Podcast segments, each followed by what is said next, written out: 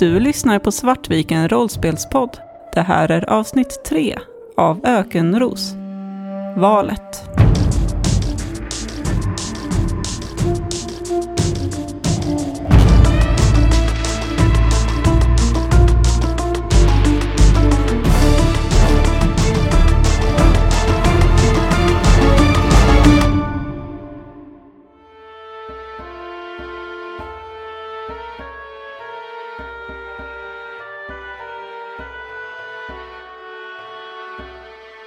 När stormen bedarrar och eh, aftonfalken kan eh, pusta ut så eh, börjar man göra en inventering och börjar försöka laga det här stora hålet. Och eh, det första Marashir gör, det är ju att han försöker leta rätt på Elna.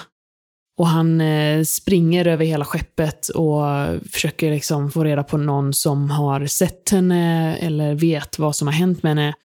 Och desto längre tid det går utan att jag hittar henne, desto mer panik får jag. Och jag känner hur pulsen stiger och eh, hjärtat bankar så hårt så det nästan vill banka sig ut ur bröstet på mig. Och efter ett tag så hittar jag en matros som eh, har sett Elna ramla ut ur det här hålet och ner i sanddynerna, men som inte kunde slå larm förrän vi var ute i stormen då, för att alla låg ju bara ner och kurade och försökte hålla sig fast för att inte själva ramla av. Och när jag inser det så går jag direkt upp till kaptenshytten där min farbror Arahin Rani befinner sig, som är kapten på Aftonfalken då. När du kommer in i rummet så, så ser du hur Arahin har gått igenom mängder med dokument, ser det ut som. Och han tittar upp från sina papper och säger Ja, ah, Marashir, vad, vad bra här. Du måste omedelbart eh, kalla alla till samling på, på däck. Jag behöver säga till besättningen att vi, vi måste åka tillbaka till eh, Sagar. Det kan vi inte! Eh, Elna, hon är borta, hon är försvunnen, hon... Hon ramlade av under stormen! Vad pratar du om? Vi måste genast vända om och vi måste leta efter henne! Ja, ja jag förstår. Det är väldigt olyckligt. Väldigt Vet olyckligt! Du, vet du var hon ramlade av? Vi kan inte göra en sökning nu. Vårt skepp håller på att gå ner. Det... Men om vi lämnar henne nu så kommer hon att dö! Vi kan inte lämna henne här att dö! Men Farbror! Om vi stannar här så kommer alla dö. det vet Det du måste inte! du förstå. Det här... Det måste ju finnas något sätt så vi kan reparera skeppet så att vi bara kan... Ja, genom att åka tillbaka till Sagab. Det är en stor förlust för oss alla. Det var inget av oss ville hit. Stor förlust! Järngrodan, Det är mitt livs Kommer- kärlek, farbror! Det är en stor förlust för oss alla, men vi måste... Vi måste avbryta det här. Då får du släppa av mig. S- Här? Ja, jag tänker inte åka tillbaka till Sagab. Inte när Elna är där ute själv Aron och... skulle aldrig förlåta mig. Jag skiter i Du- vad pappa tycker! Du går upp till rodret och står där tills jag säger annat. Jag är kapten på skeppet. Och du tror det spelar någon vad, roll jag vet nu? vad Aram har tänkt, men du styr inte än. Nu är det jag som har befälet. Jag vill inte styra, jag kunde inte brytt mig mindre än de här jävla skeppen! Jag bryr mig inte! Vad ska du låta hela besättningen gå under i öknen bara för att Nej, du har en, låt en mig gå! Låt mig gå! Men vem ska då styra skeppet? Det kan väl du göra? Du jag har- vet att du kan! Du har ett uppdrag på den här seglatsen. Se till och gör den. Det här är inte bara dina hittepå-äventyr. Det här är våran liv och hälsa det här handlar om. Men vilka typ av människor är vi farbror om vi lämnar vår en besättningsmedlem, en, en medmänniska, att dö ute i öknen? Vilka är vi då? Han vänder sig om och börjar rafsa ner lite papper i en väska och säger över axeln. Det är hemskt att det händer, men jag har varit med om större förluster under en sandstorm. Snälla farbror, gör inte det här. Jag ber dig. Han slänger väskan över axeln och börjar gå förbi dig. Ja, ganska obrytt eh, så här, knuffa till dig med axeln för att ta sig ut genom dörren. Han är ju större än dig så det är inte, inte så att du kan sätta någonting emot direkt. Och Marashir får ju bekräftelse på hur hans familj är. Han har ju alltid någonstans vetat att det här är de prioriteringarna som rederifamiljen Rani har och att det är det här livet han har att se fram emot. Och han eh, står där och känner en sorg bubbla upp inuti sig och sen ett trots Och sen så säger han tyst för sig själv. Ja, farbror. Jag ska styra skeppet.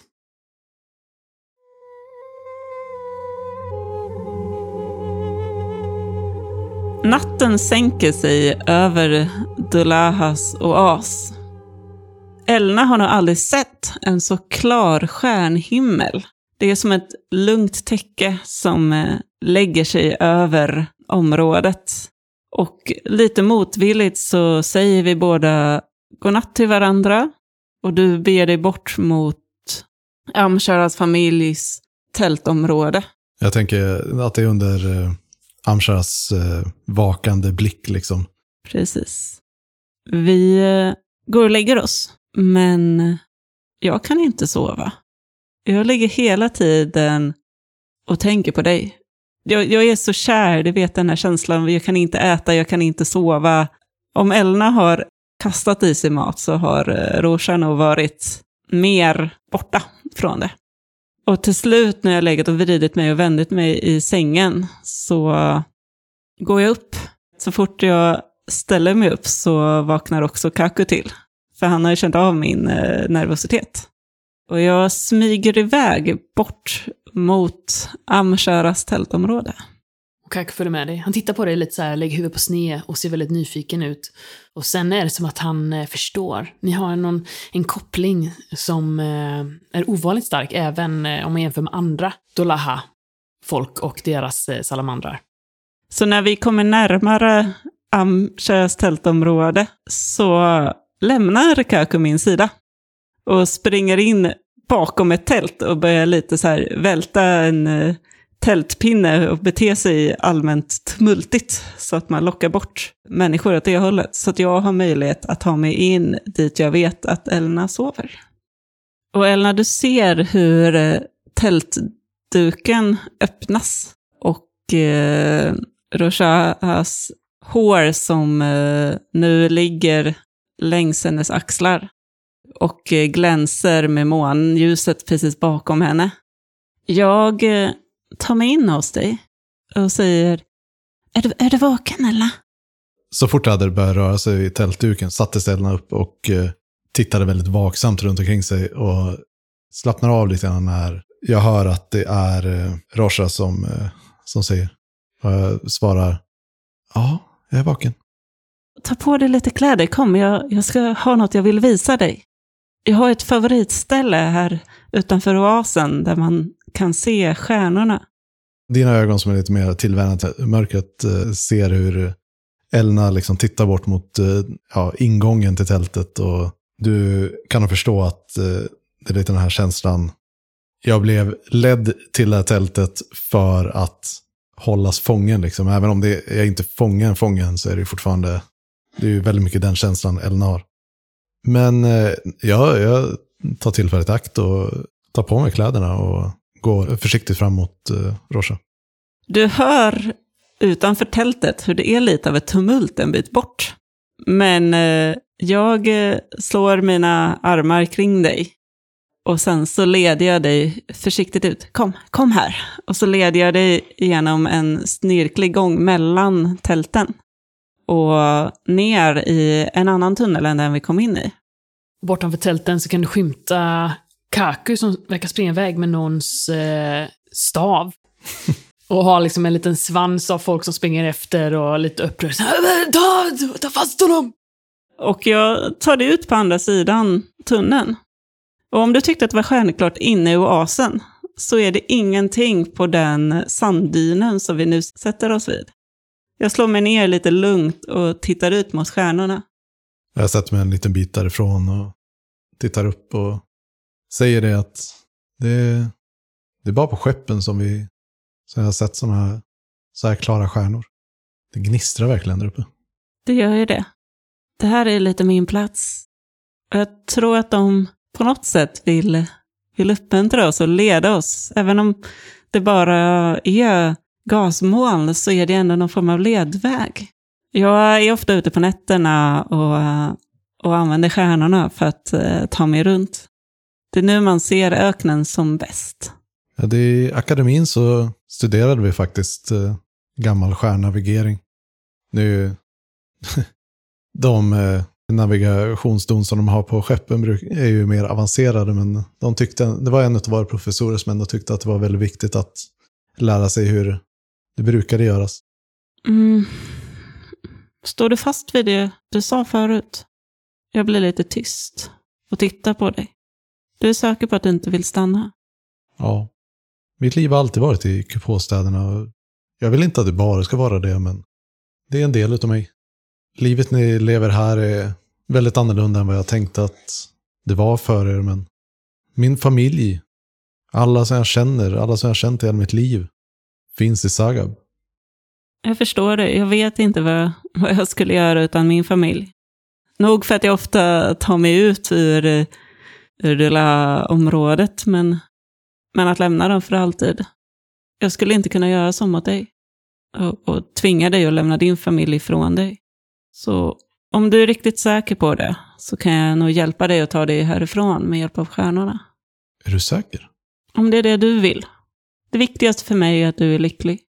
Ja, absolut. Det, det, det har varit jättefint det här, men jag, jag vill hem. Jag vill se till att de som jag åkte ut med skeppet på mår bra. Att de klarade sig igenom stormen. Jag förstår. Jag ställer mig upp och tar din hand.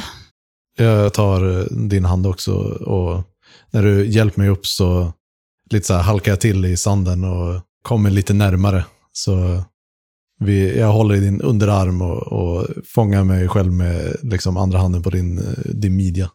Och våra ansikten är väldigt nära varandra. Och det är som att tiden stannar upp. Återigen. Men sakta så tar jag mig ut ur ditt grepp. Kom, jag och, och Kaku kan ta dig tillbaka. Men eh, vi får nog se till så att mamma inte ser det. Hon kan ju vara lite sträng som du såg. Men mina, mina kläder? Ja, vi, vi måste ta oss tillbaka. Det är en annan, en annan tunnel åt andra hållet. Så eh, om vi skyndar oss nog så har de nog inte hunnit få fatt Kaku. Han är ganska snabb. Så eh, om du behöver ha något från tältet. Och sen så drar vi. Elna tittar, tittar ner och har fortfarande, fortfarande lite röd flamma om kinderna. Och... Ja, okej. Nu drar vi. Jag tar din hand och vi går tillbaka in genom tunneln. Elnas hand har liksom ett lite fastare grepp än tidigare. Och vi mm, samlar på oss dina grejer i tältet. Mm. Och gör oss redo att eh, lämna Dolaha-oasen. Jag tänker du kanske har, har koll på typ när någon form av vaktskifte görs eller något sådär som eh, vi försöker tajma att eh, ha fri passage genom. eh. Precis. Och eh, vi tar oss bort mot tunnlarna. Och mitt i tunneln, eh, en bit in i tunneln, så möts vi upp av Kaku.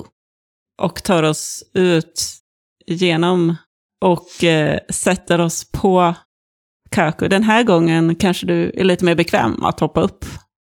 Eh, det märker du att under, under den här dagen som vi har spenderat tillsammans i lägret så märker du absolut hur eh, Elna har tagit, tagit till, liksom, inte sederna direkt, men sådär, liksom, eh, vardagslunken ganska bra. Trots att det bara är en dag. Och vi eh, rider på Kaku ut mot tunneln och ser ljuset på andra sidan komma närmare. Denna gången av månljus och stjärnor. Och i det här ljuset framför er så ser ni en, en silhuett. En silhuett av en, en välsvarvad manskropp. Insmord slags olja som får hans hy att glistra. Och ni hör honom säga Rusha. Jag fryser till. Och Kaku också. Och Jag försöker nog lite gömma mig bakom Rosha. Och jag står i vägen så att ni kommer inte förbi mig om ni ska till tunneln. Amsha, flytta på dig. Jag suckar tungt. Släpp förbi mig. Är det här vad du verkligen vill, Rusha? Vad du verkligen, verkligen vill. Tänk igenom det här noggrant. Jag tittar på dig. Med en slags bestämdhet och ett lugn som du nog inte riktigt sett innan. Ja, Amsha. Är det här jag vill? Jag nickar en gång. Jag suckar tungt. Då är jag rädd att jag inte har så mycket till val. Jag böjer mig bakom en sten och tar fram en väska. Jag följer med. Du gör vad? Om det här är vad du verkligen vill, så tänker inte jag hindra dig. Om det är vad du verkligen vill, så kommer jag hjälpa dig med det. Jag tittar tveksamt på dig och det är nog första gången jag ser dig. Tack. Det är verkligen vad jag vill Och det hade varit en ära att få med dig längs vägen. Om det är någon jag skulle sakna på den här resan så är det du, Amsha. När vi eh, i gemensam tropp går genom tunneln. Jag går lite bakom er, så kastar jag en, en blick mot Elna. En blick full av avund och avsky. Har du ett djur? Ni ser en till salamander komma krälande, springande över marken. Och den eh, går fram och, eh, och nosar lite på Kaku. Och jag hoppar upp på den. Och sen bär det av. Och vi eh, flyger fram över sanddynerna på våra salamandrar med eh, himlavalvet som liksom flödar över oss. Och den här gången så, nog för att det går snabbare den här gången, men märkligt nog så går det mycket smidigare för Elna att rida. Det är inte alls lika bumpigt som senast, utan det är mer som ett flöde och en slags frihet. Rasha skrattar lite till. Det här är ju hennes bästa miljö. Och att få rida på sina salamandrar med uh, Amshara, det har vi gjort hur många gånger som helst. Och jag tror att här märks det kanske hur goda vänner vi egentligen är. Det här är en av få gånger som Amsha faktiskt släpper loss lite. Och kanske till och med skrattar. Och Rosha märker ju absolut att eh, Elnas grepp om eh, midjan är ju betydligt eh, fastare och eh, stabilare nu. Du kan till och med höra hur, eh, Eh, hur hon skrattar till ibland.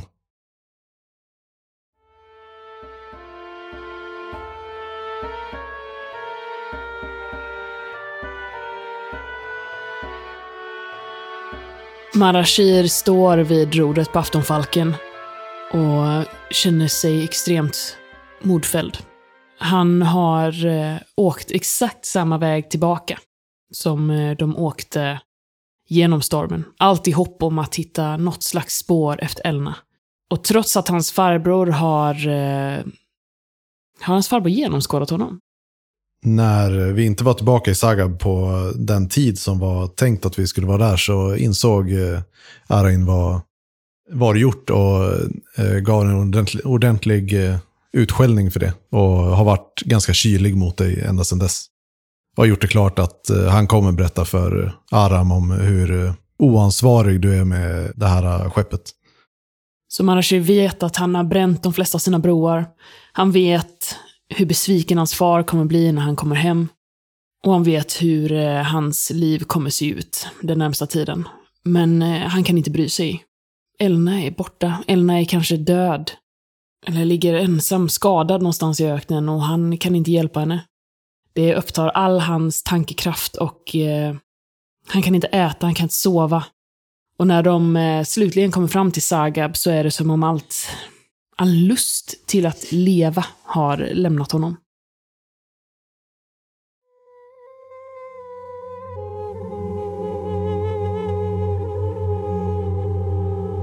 Och vi eh, spenderar väl eh, två, tre dagar ens där på eh, salamanderrygg. Tar eh, strategiska pauser i eh, grottor som ni känner till. Och den här gången är det mina fördomar och spänningar som väcks. Jag har aldrig varit inne i en kupolstad. Jag har sett dem på håll, men hållit mig aktivt väldigt långt ifrån dem. Och jag argumenterar nog för att vi bara ska släppa av den här stadsbon en bit utanför så att hon kan gå hem själv. För jag är rädd att stadsborna kommer fånga oss och göra onämnbara saker med våra kroppar. Men om de är som Elna så kommer de ju inte göra det. Elna har ju ändå bevisat att det skulle kunna gå att leva i samklang. Elna har visat en bild av sig som hon vinner på i vårt samhälle. Vem den verkliga Elna är visar sig först när vi kommer tillbaka till staden. Varje gång vi stannar för natten och så här så, så märker du att nu när Elna är lite mer bekväm med eh, ökenlivet så när ni andra har eh, somnat eller när Elna tror att ni har somnat så brukar hon faktiskt smyga iväg och eh, gå upp på närmsta sanddyn och liksom titta bort mot eh, det håll där Sagab ligger. Och vi når väl staden till slut. Hur ser de här städerna ut för... Rorschachs fördom om de här kupolstäderna är ju att de är gråa, förorenade, det är bara höga ljud och eh, några få människor som lever högt uppe på toppen i samhället och sen så bara utnyttjar alla andra i ett väldigt kapitalistiskt och eh, egennyttigt samhälle. Där alla måste kämpa för att få minsta lilla.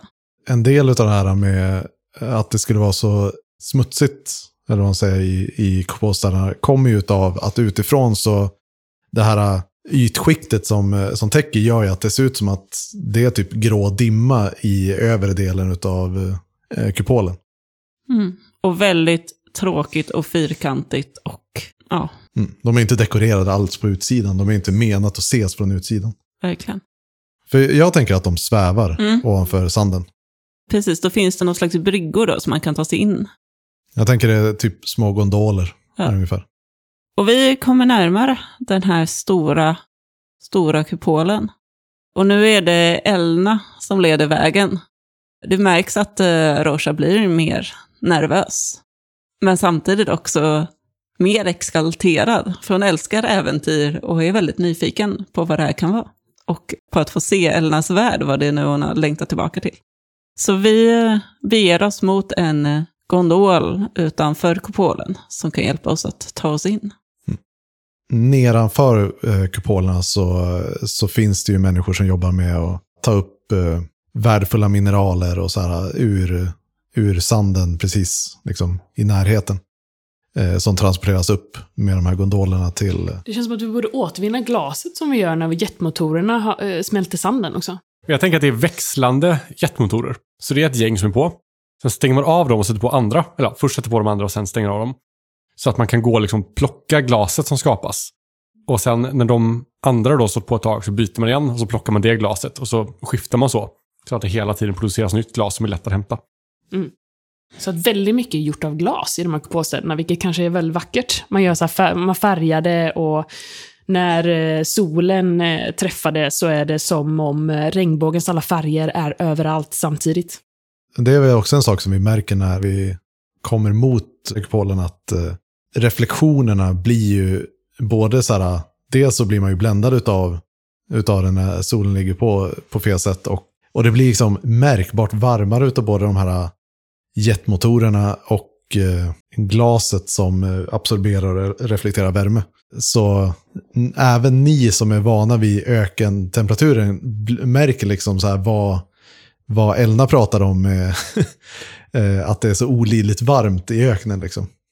När vi kliver av våra salamandrar precis utanför för att ta oss in i staden så har Roshas blick fastnat på de här skimrande glaset och den skönheten som hon aldrig sett tidigare när det varit så här nära. Och hon förstår nu vart Elna har fått sin skönhet ifrån. Och utan att riktigt tänka på det så börjar hon gå närmare staden. Och du känner en hand som fångar din handled. Rosha, vårt uppdrag här är slut. Vi har lämnat tillbaka henne. Vi måste återvända. Jag tittar på dig och bara skakar på huvudet. Nej, jag kan inte återvända. Inte än. Jag måste få se vad som är här inne. Men det är vackert, men ser du? Det är illusioner. Det är sätt att, att lura hit oss. Och vem vet vad som finns där inne? Ja, precis. Vem vet vad som finns där inne? Det är inte säkert. Öken är inte säker heller. Men tänk hur mycket saker vi har hittat för att be oss ut. Vi kan inte bara stanna inne i, i säkerheten i våra oaser. Rosha, gör inte så här. Du vet att jag kommer följa med, följa med in. Men du vet också att det här är, det här är fel väg att gå. Låt oss återvända till vårt hem. Där vi gör hemma. Inte än. Elinor har sett min stad. Jag vill se hennes. Åtminst, åtminstone för en kväll. Sen kanske vi kan gå. Elna stannar, jag har gått i förväg en bit och, och vänder sig om och tittar över axeln och ser att eh, Rosha har stannat och står och lite så här väntar på, på Rosha för att se vad... Amshar, du, du känner mig också. Du vet att jag kan inte överge en sån här möjlighet. Jag, jag vädjar till dig. Jag vet. Och du har alltid varit snäll mot mig. Och du har haft rätt ibland, men ibland har jag också haft rätt. Och vågat dig ta med dig på nya vägar. Kom igen. Hur dåligt kan det gå? Mitt eh, vackra, kantiga ansikte biter ihop. Och jag nickar en gång. Visst, en kväll. Du kommer älska det. Och vi eh, följer med, med våra jättestora salamandrar, in i kupolstaden. Folk bereder nog eh, väg för er och kanske kommer lite så här skrämda utrop när folk ah! ser de här komma ner för gatan och folk vet nog inte riktigt vad de ska... Jag föreställer mig att eh, Kako är ju lika nyfiken som jag, så han kommer säkert gå fram och försöka hälsa på folk. Nosa på dem och åh, det där såg gott ut. Jag har aldrig känt mig så här naken. När jag ser alla omkring mig som är påklädda. Så plötsligt blir jag medveten om hur vi klär oss i relation till de här. Och jag är otroligt obekväm. Och det är nog ganska kallt också. Jag tänker inuti de här kupolstäderna så är det ju klimatanpassat för att vara för att man ska vara fullt påklädd. Jag känner knottror liksom över hela min hud. Jag försöker linda mina tunna sjalar runt om mig. Elna märker att jag blir allt mer obekväm med, med klimatet här inne. När jag ser det så, så tar jag av min eh, jacka och eh, lägger om eh, Roshas axlar. Det var det jag tänkte göra! Och när du gör det här, jag biter ihop lite, för jag var precis på väg att rota fram en filt från vår väska. För jag känner den här ilskan bubbla upp inom mig när jag ser hur alla de här människorna tittar på Rosha. Hur deras blick liksom tittar på henne på ett sätt som inte är bekvämt. Och jag vill bara skyla över henne. Vilket du har gjort nu. Men du gjorde det. Istället för mig. Och förmodligen av helt fel anledning. För du bryr dig inte om ifall folk tittar på henne. Du bryr dig inte om henne, egentligen. När Ellen har gjort det så blir det också Elna lite så här medveten om att här kommer Rosha nästan oklädd in i kupolstaden och ja, men inser hur anmärkningsvärt det blir. Vilket gör att eh, Elna tar och eh, så här, knäpper upp eh, sin skjorta och rullar upp ärmarna. Och, men det är liksom för någon i, i Elnas eh, position ganska anmärkningsvärt mycket hud som visas. Liksom. Rosa förstår inte de här blickarna. Hon eh, märker ju att folk tittar konstigt på dem. Hon, och hon ser ju att folk är onödigt påklädda och de ser väldigt ansträngda ut i sina kläder. Alltså kläderna ser så stela ut. Så det är nog mer det hon, hon reagerar på. Att var, varför går man klädd så här stelt? Så kan man inte röra sig. Och eh, hon är ju väldigt tacksam över den här jackan som hon har fått av Elna. Men just för att det är kallt här inne. Sen misstänker jag att Amsha drar en och annan blick till sig också. Men han är lite för... Eh, han är inte på rätt humör för att märka det.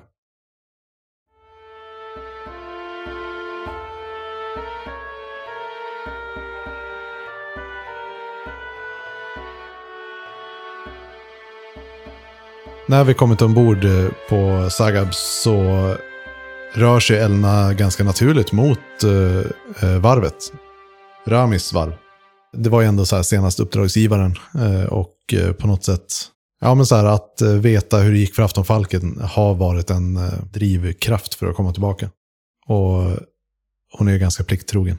Så vi, vi går genom eh, stan och drar på oss blickarna och eh, när vi kommer fram till eh, den administrativa byggnaden på skeppsvarvet så, så går vi in och eh, jag vinkar, vinkar med mig eh, Rosha och Amsha.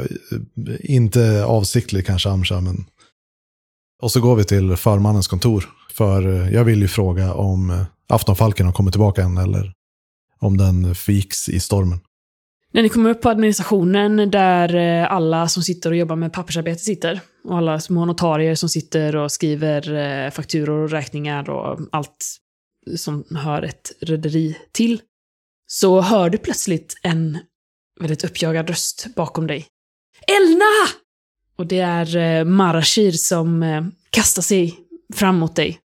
Ända sedan vi kom i hamn så, eh, så blev jag utskälld av min far och jag blev satt att göra skitjobb på rederiet. Med hotet om att jag aldrig skulle segla ett skepp igen så länge jag levde.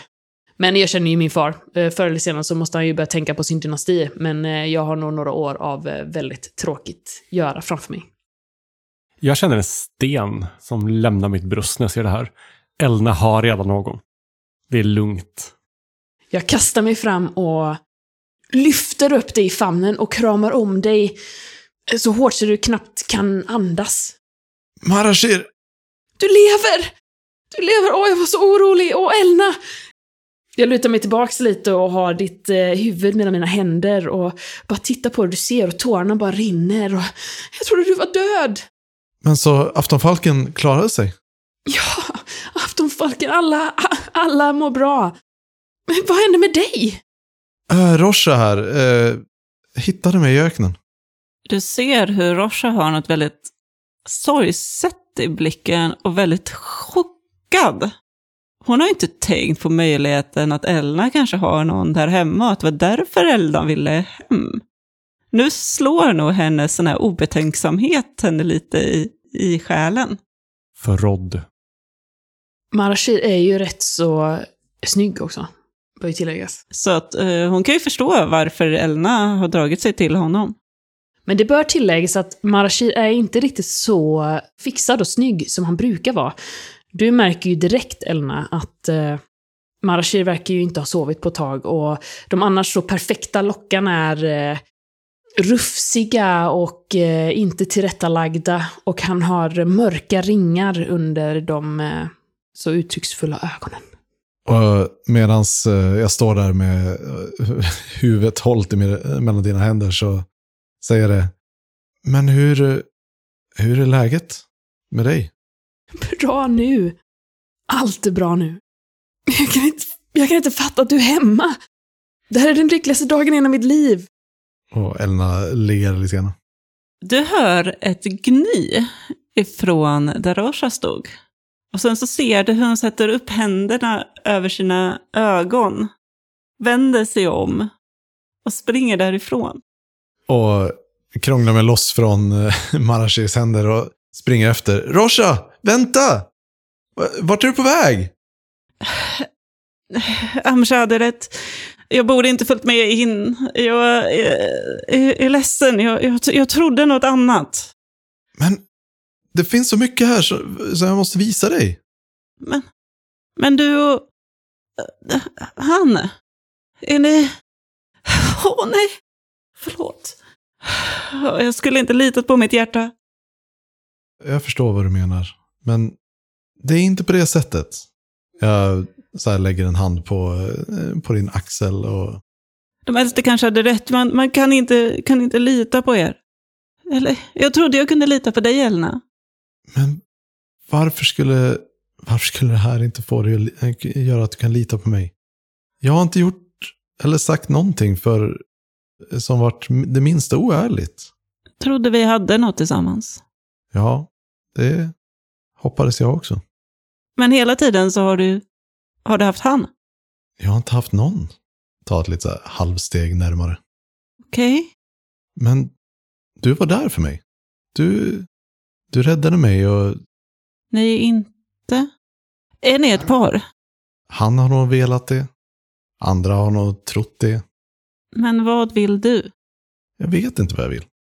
Jag vill göra rätt för mig. Jag vill, jag, jag, jag vill återvända ut i, på ett skepp och, och hitta, hitta ruinerna som vi letade efter. Jag har spenderat hela mitt liv med det. Det har vi ändå något gemensamt. Det har varit mitt mål också faktiskt. Och jag skulle jättegärna göra det med dig. Om du vill. Men mer än så kan jag inte lova. Jag så här, lägger en hand på din kind och försöker se tröstande ut. Det enda jag vill, det är att du ska få vara lycklig. Och jag skulle göra vad som helst för att du är lycklig. Så valet är upp till dig. Jag kommer aldrig hindra dig från att göra något. Men det skulle såra mig väldigt mycket om du valde någon annan. Och jag vill, som du kanske märkt, jag vill också kunna vara fri och kunna röra mig ute i sanddynerna. Det där är som bäst. Låt oss göra det tillsammans då. Vem vet vad vi kan hitta på vägen? Ja, kanske. Jag ler lite mot dig igen. Vill du det? Verkligen? Ge dig ut och, och leta artefakter med mig? Jag nickar utan att säga någonting. Vi kanske kan, kan hitta något som, som kan föra oss tillsammans mer. Men han där borta och, och Sagab, du har kommit hem nu. Ja. Och du är välkommen att stanna så länge du vill. Oavsett så kommer vi, så kommer vi ge oss ut i öknen tillsammans. Men eh, det här är mitt hem. Och, och jag förstår att Dola är ditt hem. Och jag har all förståelse för om du vill återvända. Men, eh, men vi kommer att åka ut tillsammans. Eller hur? Jag tittar upp på dig igen med mina stora ögon. Tillsammans. Och Elna drar in dig i en eh, kram och du känner nog lite grann hur, eh, hon tryck, trycker liksom eh, ansiktet mot nacken. När de här två andra gick ut så lämnar de oss kvar. Och vi står lite i pinsam tystnad, skruvar på oss. Båda övergivna, och förrådda. Sen tittar jag upp på dig och ser dig för första gången. Och jag ly- flyttar en lock hår från pannan och ler. Marashir eh, ler lite tafatt och sträcker sen fram handen. Och Marashir, Rani, Amsha. vi skakar hand. Våra blickar möts. Och det exploderar.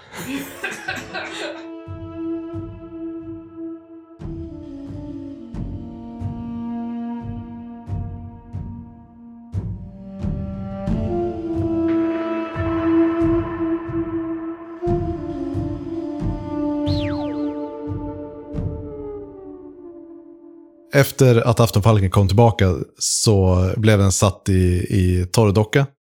Och eh, egentligen så här övergiven som ännu en prototyp.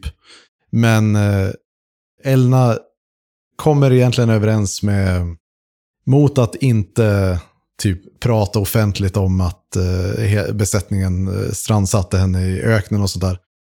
Så får hon, eh, får hon Aftonfalken mot att hon fixar upp den.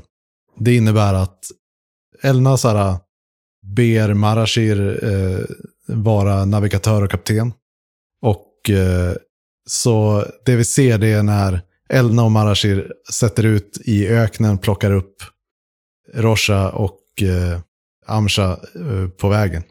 Och det som är speciellt med Aftonfalken nu, det är att Rosha och hennes kultur har varit med vid uppbyggnaden. Så hon har tagit med sig tekniker av de här vindfångarna, skapat segel som baserar sig på det, istället för på de elektromagnetiska strömmarna som ni använde er av förut. Så nu drar ni inte åt sig de här sandstormarna på samma sätt som ni gjorde förut, utan eh, färden genom öknen har med ens blivit mycket säkrare. Så eh, Aftonfalken blir en, eh, ett saligt hopkok av teknik från kupolstäderna och teknik från eh, eh, nomadfolket i Dolaha. Och jag vill även etablera att uppe vid rodret, där Marashir står och eh, styr, där tänker jag också att Amsha är. Och eh, Marashir håller på och lär Amsha att styra sandskepp. Och bakom, när Aftonfalken försvinner ut i fjärran, så ser man hur Kaku och eh, Raka slingrar sig efter.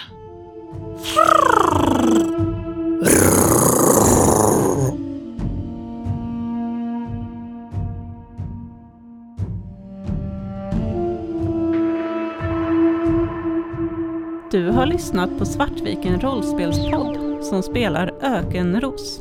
Ökenros är skrivet av Wilhelm Persson och ges ut av Wilhelm Games. Musiken är gjord av Alexander Bergil.